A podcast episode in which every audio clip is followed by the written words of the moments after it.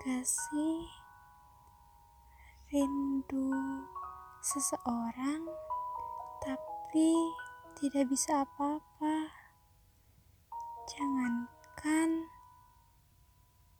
untuk bertemu, bahkan untuk bisa chattingan panjang lebar pun tidak bisa.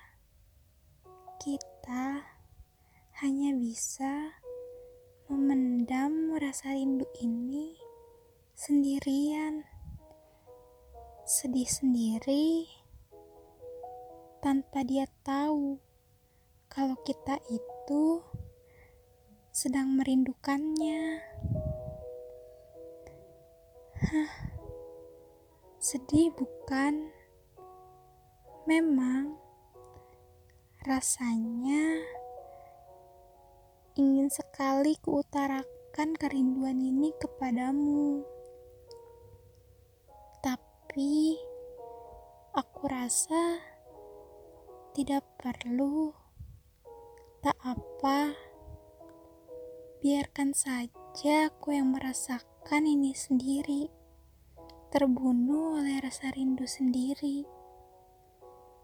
Tak ada lagi yang bisa aku lakukan selain mendoakanmu.